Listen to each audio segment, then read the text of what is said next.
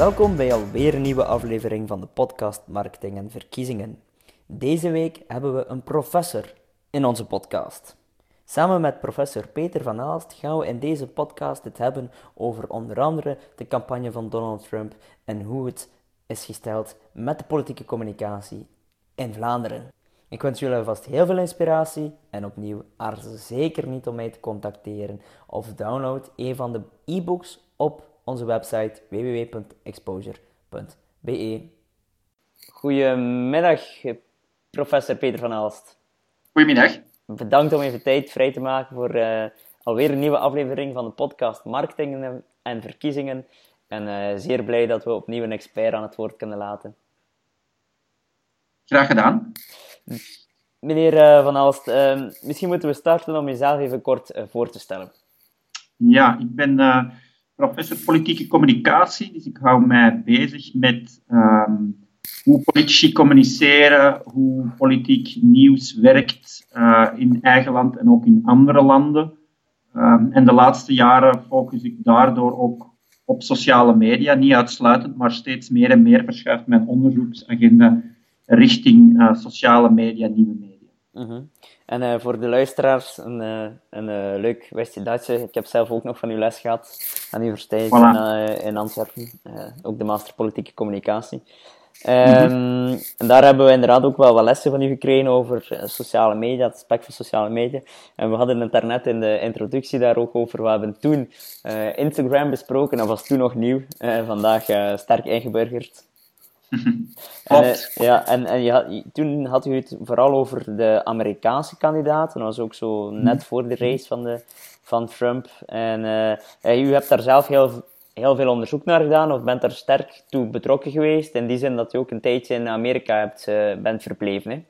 Ja, klopt. Ik heb een, vorig jaar een jaar in de VS gewoond met mijn gezin. En daar de campagne van nabij gevolgd. en dat was natuurlijk heel boeiend. Hè zoals u weet, eh, redelijk onverwachts allemaal. Um, en dus het was fijn om dat van dichtbij mee te maken en met gewone mensen daarover te praten ook. Ja. ja. Mm -hmm. En uh, u zat in Californië?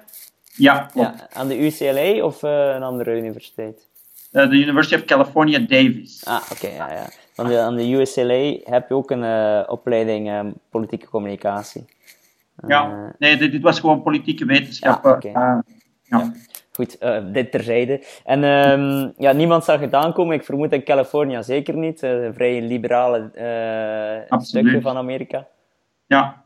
ja, nee, dat was, ik denk, ik, ik, ik, had het ook zelf niet zien aankomen, maar ik was in goed gezelschap. Hè. De meeste politicologen, pijlers, deskundigen zaten er, um, zaten er allemaal naast. Dus ik denk ook op verschillende plaatsen in Amerika zag je wel dat er veel steun was voor Trump maar niemand had kunnen inschatten dat die zo groot was en dat dan door het kiesysteem um, ja, de, de kaarten op die manier gingen verdeeld worden. Mm -hmm. En wat was volgens u, of eventueel door volgens onderzoek of andere professoren, de, de hoofdreden waarom uh, Trump als toch, of alsnog uh, heeft gewonnen?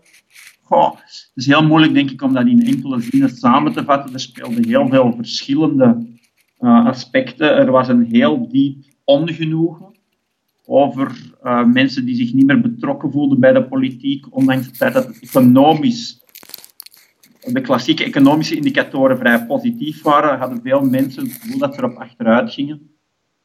Uh, ook, ook, op het vlak van identiteit en immigratie uh, voelden zich wat bedreigd en zagen daar in Trump een soort outsider, een redder des vaderlands. Um, ja, en dus mensen ook een diep ongenoegen, uh, zelfs bijna haat heb ik gemerkt, ook in Californië ten aanzien van Hillary Clinton. Ook dat heeft zeker meegespeeld. Maar ik denk dat het wel een, een, een ja, een combinatie van factoren is in een land dat bijzonder gepolariseerd is. Um, dus heel veel mensen die niet per se fan waren van uh, Donald Trump hebben toch voor hem gestemd omwille van het zeer gepolariseerde uh, politieke landschap daar. -hmm. En welke rol hebben sociale media volgens u gespeeld?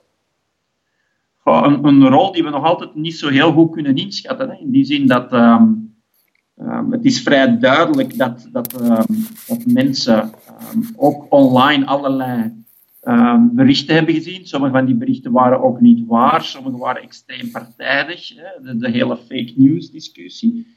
Ehm, wat daar de precieze impact van is geweest, is heel moeilijk aan te tonen.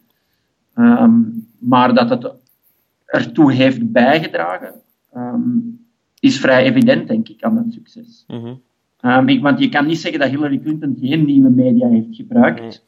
misschien nog op een grotere schaal dan Trump, maar ja, die, die outsider Trump heeft er misschien relatief meer voordeel uitgehaald.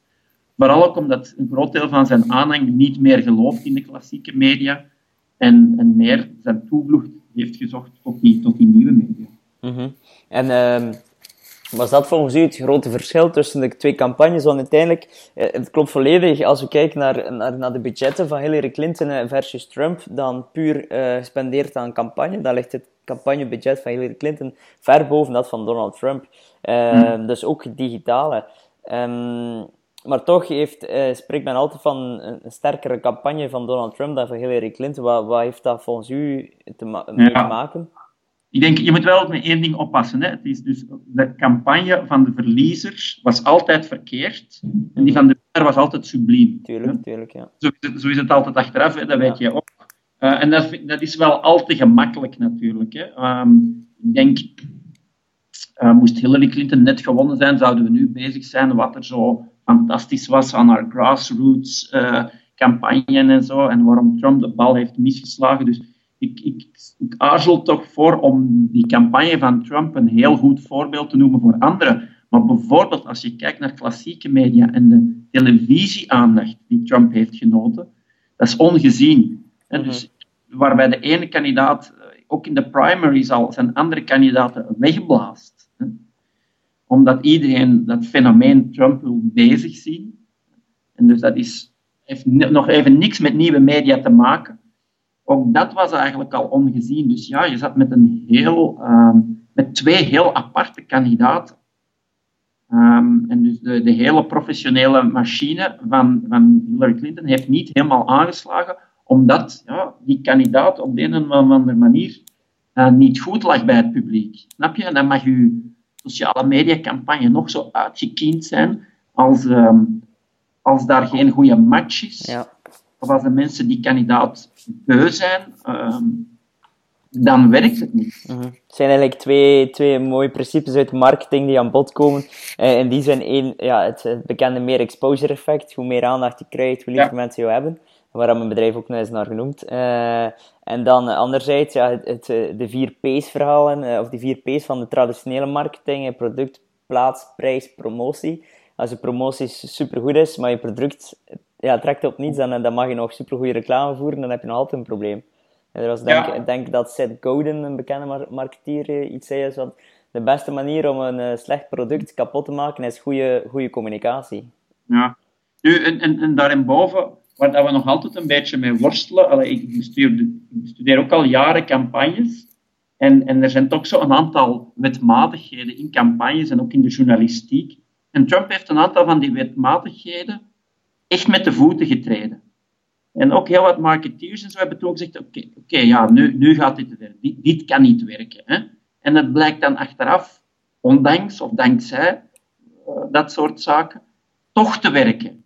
Ja, dus ehm, ik, denk dat er, uh, ik denk dat we met, als wetenschappers ook nog een beetje met de handen in het haar zitten om dit allemaal te begrijpen en te duiden. Mm -hmm. Dat is een mooie, mooie nuance. ja, dus mij nog niemand kunnen uitleggen hoe het mogelijk is dat Trump een, een icoon in die partij, zoals John McCain, publiekelijk heeft kunnen vernederen um, en toch ongestraft verder gaan. Dus iemand, iemand, een journalist had het ook over Trump van Nothing Matters, een soort Teflon-kandidaat, waarbij als andere mensen dat zouden doen, zou dat onvergetelijk, eh, onvergeeflijk zijn en mm. zouden dat zichtbaar zijn in de polls en whatever. En, en, deze man komt daarmee weg. Ja. Dus dat is, uh, dat is allemaal heel ongewoon, denk ik. En dus, het is nog veel te vroeg om hier al trends in te zien of, of dit nu een unieke, een, uh, unieke persoonlijkheid um, ja, en daar is op dit moment nog geen verklaring voor gevonden. Ja, geen verklaring is een groot woord. Hè. Er zijn tientallen verklaringen voor, maar er is in ieder geval niet echt consensus rond wat nu precies um, kan aangeduid worden als ja, dat heeft hem het gedaan. Ja, maar ik bedoel, ik bedoel vooral uh, het, het, het Teflon-verhaal. hoe dat komt dat er bij hem zo gewoon alles van hem terugkaat of wegkaatst. Ja, het moet iets te maken hebben met een zekere authenticiteit die de mensen in hem zien. Ehm, ook misschien met het feit dat ze hem zien als een entertainmentfiguur, die je toch op een andere manier beoordeelt dan een politicus. Mhm. Eh, en dat je zegt, ja, oké, maar dat is Trump, hè. dus dat, ja, oeh, we weten dat hij overdrijft, we weten dat hij anders is, um, maar enzovoort. Hè? Dus dat, het, dat, het niet, dat hij niet aan dezelfde standaarden wordt beoordeeld dan een klassiek politicus. Mhm. En dat zou wel eens een deel van het verhaal kunnen zijn. Ja, en er is ook toch wel iets... Um, af en toe iets dat ik lokaal tegenkom. Natuurlijk niet in die grootorde, want het is lokaal. Mm Vlaanderen is, is uh, en ik, ik, ik, zeg het dan vaak ook in mijn workshops, ja, je hebt dan inderdaad die principes uh, die, die vaak terugkeren, die je moet hanteren. Maar dan zeg ik ook altijd als, als nuance van, je hebt eigenlijk in de politiek twee stijlen. Je hebt de politieke stijl, dan echt, dat als je die toepast, dan heb je kans op succes. En dan heb je nog de uh, geen stijl. Helemaal tegenovergestelde doen, dat soms ook werkt. Het is moeilijk te verklaren, maar de geen stijl is ook een stijl. Ja, en dan, en dan verwijzen mensen naar het succes van Trump in, in zijn mm. zakenleven en anderen. En uh, ja, kijk maar, dat is toch iemand die het al gemaakt heeft. Dus, en we hebben al zoveel geprobeerd en politici hebben al zoveel beloofd. Laten we nu maar eens voor iets totaal anders. Uh -huh. Nu, ik denk niet dat het kan blijven duren. Hè, dus ik, maar goed, ik durf ook niet meer zoveel te doen. Dat, uh, ik heb er al elke keer naast gezeten in het, in het geval van Trump. Maar je merkt wel dat ook een aantal mensen uh, daarvan terugkomen. Anderzijds doet de economie het zo goed dat, het, uh, dat hij misschien nog wel een tijdje kan surfen in die way. Mm. En zijn er nog uh, boeiende um, inzichten die je hebt gekregen doorheen je jaren in Californië over de sociale media en politiek? Um, ja, misschien is, toch, misschien is eigenlijk een, een belangrijk inzicht dat ik heb gekregen dat... Dat, ik, dat wij hier in Europa ook vaak de indruk hebben dat het allemaal rond sociale media draait in Amerika. En dan Obama hè, was daarmee begonnen en, en, heeft dat succes. En, en in Amerika viel mij op hoe vaak het gaat over gewoon televisie nog. Ehm, wat een heel oud, hè, ondertussen een oud medium is. Maar het belang van televisie ehm, iets minder bij jongeren, maar toch, dat, is, dat doet er heel veel toe. Kijk nu ook naar Trump vandaag. Hè. Heel veel wordt er gesproken over Trump en Twitter. Hè. Maar waarover twittert Trump heel vaak? Over wat hij s morgens eerst op televisie heeft gezien. Uh, op wat zijn uh, favoriete morningshows allemaal tonen. Um, hoe hij bezig is, hoe hij ook het platform domineert. Um, dus misschien een belangrijke les die ik daar heb gezien is het, relativeren ook toch wel tegelijkertijd van die sociale media. Het mhm. belang ervan en tegelijkertijd uh, te relativeren van die sociale media als, een, als het enige ultieme uh, platform waar dat nu plots verkiezingen zou worden uitgevoerd. Nee, nee, nee. Maar uh, Langs de andere kant uh, bevestigen ook de, de politici die, of sorry, de journalisten die reeds in de podcast zijn gekomen dat uiteindelijk die sociale media er ook wel een stuk voor zorgen dat zij dan wel weer op televisie komen. Uh, het is een en-en verhaal, hè. Ja, dus dat, dat, dat is natuurlijk waar. Hè. Dus het is inderdaad een en-en verhaal en het is de interactie tussen de twee dat mij ook het meest interesseert. Mm Um, maar ik merk dat heel veel jonge onderzoekers zeggen, ja, maar ja, we kijken nu alleen nog naar online. Of ik lees dan in kranten zo van, ja, Facebook heeft de verkiezingen beslist en zo. Dan denk ik echt, ja, nee, zo werkt het niet, denk ik. het is heel vaak de interactie van oude en nieuwe media um, die van belang is. Ja, ja, ja. En, en nu ben je terug uh, in, in Vlaanderen en doe je, doe je zelf ook nog steeds onderzoek naar sociale media in België? Ja, klopt. Dus ik werk nu met, uh, we zijn nu vrij recent gestart in een groot project met computerwetenschappers, uh, computerlinguisten ook, uh, communicatie, politiek. En dan kijken we nu naar hoe politici en media um, die sociale media gebruiken. en proberen we ook grote informatiestromen in kaart te brengen. Om dus ook op een automatische manier te gaan kijken wie wie beïnvloedt. Maar dat, is, dat onderzoek zit in een eerste fase, zeg Ja, ja. En moet ik dat dan voorstellen? Want u spreekt over computerlinguisten, dus gaan jullie heel veel data verzamelen en die dan via uh, ja, een soort van artificiële intelligentie echt gaan scannen op de woorden die ze gebruiken? Of, of nog iets anders? Ja, ik, wil het, nou, moet het ook niet te veel als science fiction zien, maar het gaat wel over big data. Mhm. Het gaat over grotere datasets waarin je uh, meer en meer toch ook patronen probeert te ontdekken. Hè? Dus over, over welke thema's gaat het um, op Twitter als politici uh, twitteren. Hè? Wat, zijn dat de thema's die naar boven komen? Uh, bijvoorbeeld, hè, of dus hoe, hoe ontstaat een bepaald event en hoe evolueert dat doorheen de tijd? En, en dus we kijken ook opnieuw naar klassieke media. Hoe komt dat in de kranten? Hoe spelen online uh, media erop in? Um, en dus opnieuw die interactie. Um, beetje wie volgt wie. Nou, dus voor een stukje zal dat een soort big data analyse zijn en tegelijkertijd zullen we een aantal casussen meer uh, uitwerken om te zien ja, hoe, hoe de twee op elkaar inspelen. Mm -hmm. Dat lijkt me boeiend. Uh, en ook voor, gewoon voor politieke partijen, want ik merk zelf uh, bij de vragen die ik krijg van hen, is dat er wel steeds meer vragen zijn naar die data, big data. Uh, mm -hmm. Maar het probleem is nu, er is heel weinig data beschikbaar op dit moment. Dus het lijkt mij ja, dat die data verzamelen moeilijker is.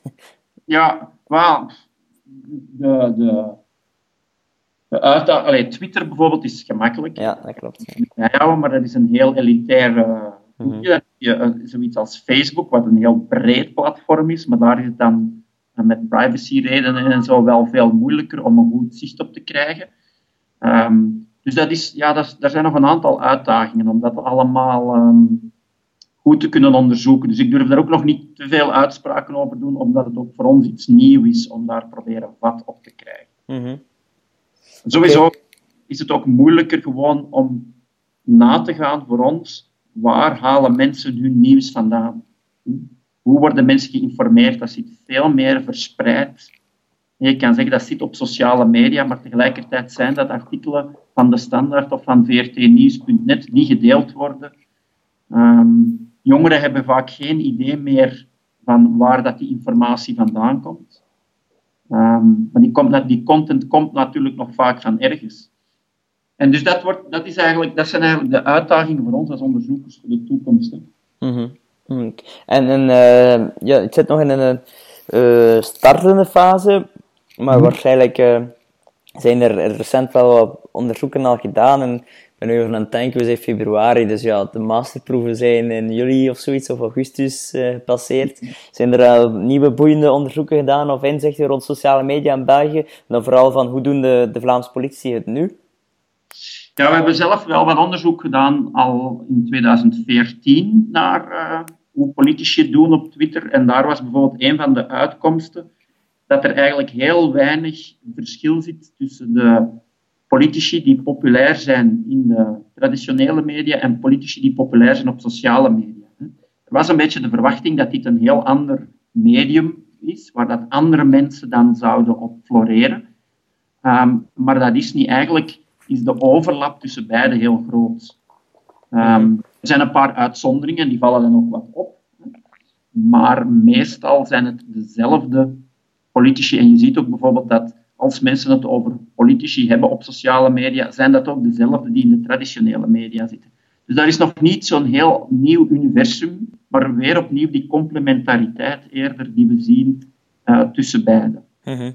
um, wat, ja, zeg maar. Ja, ik, ik, dat, dat, is iets waar ik vaak terug uh, zie komen en hoor komen ook. Is, maar um, ik, dat lijkt mij ook wel een stuk logisch. En niet zozeer omdat ze bekend zijn, maar gewoon omdat vaak die politie die online goed bezig zijn, hebben gewoon meer communicatiefeeling. Of hebben gewoon een beter communicatieteam die zich dan ook beter kan profileren online, maar ook in de traditionele media. Ja, daar zal het zeker voor een stuk mee te maken hebben, maar je ziet ook, als je ziet dat bijvoorbeeld de persoon die het politiek spectrum en vooral de media beheerst, Bart de Wevers, um, alles wat hij zegt is nieuws waar dat hij het zegt. Dat doet er eigenlijk weinig toe, dat hij eigenlijk nauwelijks actief is op sociale media. En dus dat is iemand die dat niet nodig heeft om zijn um, populariteit en zijn bekendheid vorm te geven. Um, dat zijn natuurlijk uitzonderingen. Heel veel gewone politici die hebben geen toegang tot de media. Die moeten over een muur klimmen om eens in het nieuws te geraken. En die gaan natuurlijk wel meer voordeel kunnen halen van sociale media. Of via sociale media proberen in de gewone media te geraken. Voor die mensen valt er ook meer te winnen. Uh, maar hetzelfde, een aantal jaar geleden was Maggie de Blok de populairste politica in Vlaanderen. Ook zij was op dat moment niet actief op sociale media. Mhm. Dus dat is toch nog wel een interessant fenomeen. Um, en nogmaals, ik verwacht dat het zal veranderen. Als ik kijk hoe jongeren media gebruiken, um, dan gaat er denk ik nog wel een verdere shift plaatsvinden. Maar je kan nu niet zeggen dat het allemaal, denk ik, um, via die slimme communicatiemensen zijn op uh, sociale media. Anderzijds, je kan verwijzen naar Theo Franke, die een medium als Facebook heel goed gebruikt, heel veel mensen op die manier bereikt. En, en zijn boodschap en zijn communicatie met de achterban heel goed verzorgd via sociale media. Mhm. En daar ook heel vaak mee in de media raakt. En dan daar ook weer opnieuw mee in de media raakt. Hè. Mhm. Als je, maar als, het is ook interessant als je kijkt naar, naar een Facebook-profiel van Theo Franke, dan gaat hij heel vaak berichten delen in de media. Dus mediaberichten in zijn Facebook-berichten of in zijn Twitter-berichten. Mhm. dus, dus, hij brengt eigenlijk die, die berichten berichtgeving terug in die nieuwe media. Um, dat is interessant, ik weet niet juist wat daar speelt. Is dat de credibiliteit toch van zo'n mediabericht? Of, of, wil die op die manier toch meer in de media komen? Of is dat, is dat datgene wat mensen toch nog het gemakkelijkste dan verder is zullen bekijken? Um, dus ik kan zeggen van kijk, dit artikel, daar sta ik helemaal achter. Dit, wat hier de journalist zegt, slaagt compleet de bal mis. En dus het kan in beide, beide richtingen gaan. Ja. Maar ook hier zie ik weer um, die interactie tussen beiden. Ja, dat is um, iets wat ik uh, regelmatig aanraad aan, aan de politie die ik begeleid. Is, is proberen af en toe wel die krantenartikels te delen. En zeker die krantenartikelen waar, uh, waar je in staat of waar uh, die bewijzen wat je zegt. En bewijzen natuurlijk, ja, is, ja, bewijzen is, zeer subjectief. Hè. Um, maar het feit dat het in de krant staat, heel veel mensen denken nog altijd wat in de krant staat is waar en als in de krant staat is het belangrijk. En die krant, dat krantenartikel zorgt effectief wel voor die credibiliteit. Hè. Voor, eh, als, als wat, datgene wat in de krant staat ook jouw mening bevestigt, daar is extra credits, eh, extra autoriteit. Mm -hmm. Ja, ja, daar lijkt het op. Hè. Mm of, of je neemt juist heel duidelijk afstand van ja. Kan ook natuurlijk. Hè. Ja. Uh, wat, wat, wat Trump nog meer doet. Hè. Dus, uh, maar ook, ook hij verwijst weer naar de media om te zeggen dan hoe, hoe slecht ze wel niet zijn en dit en dat. Ja, ja. Langs de andere kant heb ik ook, uh, ik heb zelf mijn bachelorproef gemaakt over Twitter.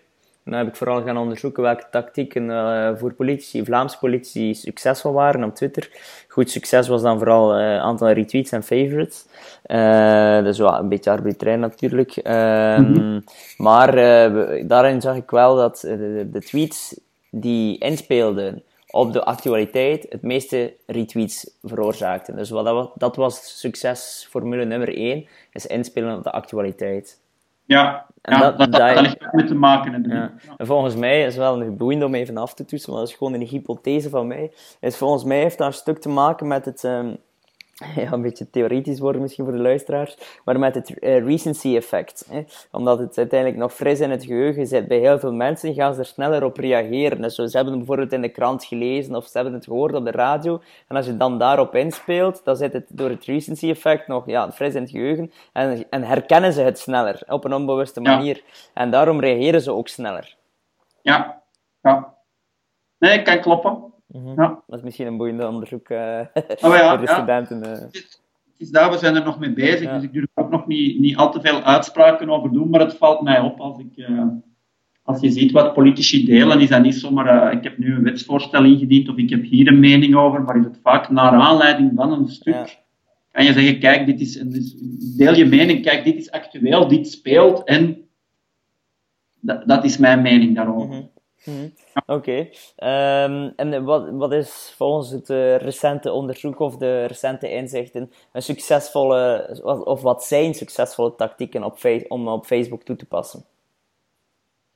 Goh, dat is, als ik daar echt zo'n gouden formule voor had, dan, dan was ik hier niet met u aan het babbelen. Hè. Dus eigenlijk ergens veel geld te verdienen. Um, het is, het is, wat wel al blijkt, is dat wat wat, ehm, waar dat mensen op klikken in een krantenartikel, ehm, dat dat vaak negatief is en wat viraal gaat, dat dat vaak meer positievere dingen zijn. Dus dat is een opvallend verschil dat je zo in vaak onderzoek ziet terugkomen. Dus dat er een iets andere logica speelt voor klassiek nieuws als voor wat er viraal gaat op sociale media. Ah, oké, ja. Mhm. Dat vind ik wel boeiend en ik denk dat ook dat, dat, uh, dat politici daarop moeten inspelen. Dus dat, je, um, dat er een iets andere logica is, uh, maar zo voorspellen, ja, ik denk, het heeft heel veel te maken met authenticiteit ook. Iets dat viraal gaat, iets dat aanslaat, is vaak authentiek. Maar om nu aan mensen te adviseren om authentiek te zijn, je, voelt, de paradox. Daar, ja, ja, ja, ja. Maar ik, ik geloof wel dat het kan, want dit is een vraag die ik inderdaad uh, vaak gesteld krijg in mijn workshops. Is van ja, authenticiteit, dat kan je toch niet trainen. Maar ik, ik geloof van wel, ik geloof als je je genoeg traint, dat je dan net weer authentiek kan overkomen. Omdat het is net hetzelfde eigenlijk bij een PowerPoint-presentatie. Als je je PowerPoint-presentatie rats van buiten kent, dan kan je die met zo'n flair brengen dat het natuurlijk overkomt. Maar als je een PowerPoint-presentatie niet genoeg getraind hebt, dan gaat het geforceerd overkomen. En ik geloof ook wel dat dat zo kan zijn met sociale media-campagnes, dat je gewoon genoeg getraind hebt, dat je het zo in je vingers hebt, dat het authentiek overkomt. En ik vind dat dat ook wel weer een stukje terugkomt met Bernie Sanders is, ja, zijn, zijn positieve stuk was, of punt was, zeer authentieke persoon. Maar als je de analyse maakt van Bernie Sanders tien jaar geleden versus Bernie Sanders nu, is dat een heel andere, een heel andere stijl. Is dat echt ook gemarketeerd. Maar zo goed gemarketeerd vind ik dat het wel weer opnieuw authentiek overkomt. Ja, dat is, dat, dat is, dat is moeilijk, hè. Um, en, en, en zeker als je dan... Want ik snap wel wat je zegt over die PowerPoint-presentatie, maar dat is toch nog niet helemaal hetzelfde om, uh, om te hebben over wat er viraal gaat. Ja, dat klopt, ja. Delen, hè. Nee, nee, nee, Daar is toch vaak een, een, klein beetje dat, dat, dat onverwachte ja. in. Um, um, de, de, dat um, element, dat is daar dan toch heel belangrijk. En dat kan je heel moeilijk maken. Wat, wat, niet wilt, wat niet wegneemt, denk ik dat heel professioneel omgaan met sociale media, dat goed voor zorgen, dat die dingen kloppen, dat die er goed uitzien. En dat is natuurlijk allemaal belangrijk. Hè. Dat is een bredere strategie waar een partij kan op inzetten. Hè. Mm -hmm. en, en zijn mensen daarin goed ondersteunen. Dus voor een stukje, denk ik, blijft het natuurlijk gaan over wat jij ook noemt, professionaliteit, kwaliteit van, van uw communicatie. En die is uiteraard ook zo op sociale media. En tegelijkertijd zien we dat er soort een, een, een soort zoektocht is naar naar iets authentiek en ook toch mm. wel naar iets positiefs. Ja, absoluut. Dat is inderdaad analyses die ik doe. Uh, voor politieke partijen merk ik ook altijd de positieve berichten scoren altijd veel beter dan de negatieve berichten. En dat is, mm -hmm. dat is een beetje inderdaad contradictorisch met sommige andere ja, buikgevoelens. Maar uiteindelijk mhm. merk ik altijd, de beste berichten zijn die positieve berichten. En mensen, en, mhm. en, dat is ook logisch, want je, je hoort het nu ook gewoon in de maatschappij, een roep om 30 dagen niet te klagen. Mensen zijn dat negatieve beu. Ja. Ja, en tegelijkertijd heb je natuurlijk wel, ik denk, hoe meer het politiek landschap polariseert, mm hoe meer ruimte er is voor, voor een, een, communicatie in de stijl van, van Trump. Ja. Uh, en niet enkel Trump, natuurlijk ook anderen. Hè, wat, wat altijd het, um, wat heel aanvallend is en wat ook heeft gewerkt. Hè. Ja. Ik denk alleen niet dat dezelfde stijl hier uh, in Vlaanderen zou werken. Um, maar af en toe natuurlijk moet je als politicus je boodschap heel scherp proberen te formuleren. Hè. Ja, ja klopt. Uh, maar ik denk dat het geen toeval is dat bijvoorbeeld uh, het laatste opiniestuk van Bart Wever over uh, links en, en, immigratie, dat ze geen goed verhaal hebben en dat ze kleur moeten bekennen, dat is gewoon geschreven als een klassiek opiniestuk in een krant als De Morgen. En dat was voor die boodschap de juiste, het juiste platform. Mhm. en, en, mocht hij iets doen op, op, uh, op, sociale media, denk ik dat hij het op een andere manier zou aangepakt hebben. Dus ik denk, is vaak ook nog altijd afwegen van welke boodschap breng ik waar, op welke manier. Ja. En nu hebben politici gewoon nog een extra kanaal, denk ik. Voilà. Dat is iets waar ik steeds meer zeg, uh, want het boek die ik heb geschreven over sociale media en politiek, samen met Nadja de Smet, heet Het Nieuwe Campagne Voeren. Maar ik zeg, ik zeg steeds meer tegen de mensen, eigenlijk moeten we het, het extra campagne voeren noemen. Ja, ja, Want de principes zijn allemaal hetzelfde, het is een en verhaal, maar je moet het gewoon op een iets andere manier aanpakken, maar de principes die blijven wel hetzelfde. Mm -hmm. Ja, dat, dat, zal, dat, zal, de toekomst moeten uitwijzen, ja. denk ik, op dat alle principes hetzelfde ja, dat klopt ook wel. Ja. Een, een, aantal zeker wel, maar mm -hmm. tegelijkertijd is, is het een iets, heeft het medium zijn eigen wetten. Ja, dat wel, ja. Die ook weer, ook weer respecteren. Zo. Mm -hmm. um, en nogmaals, het hangt er veel vanaf van, van wie of wat je wil bereiken.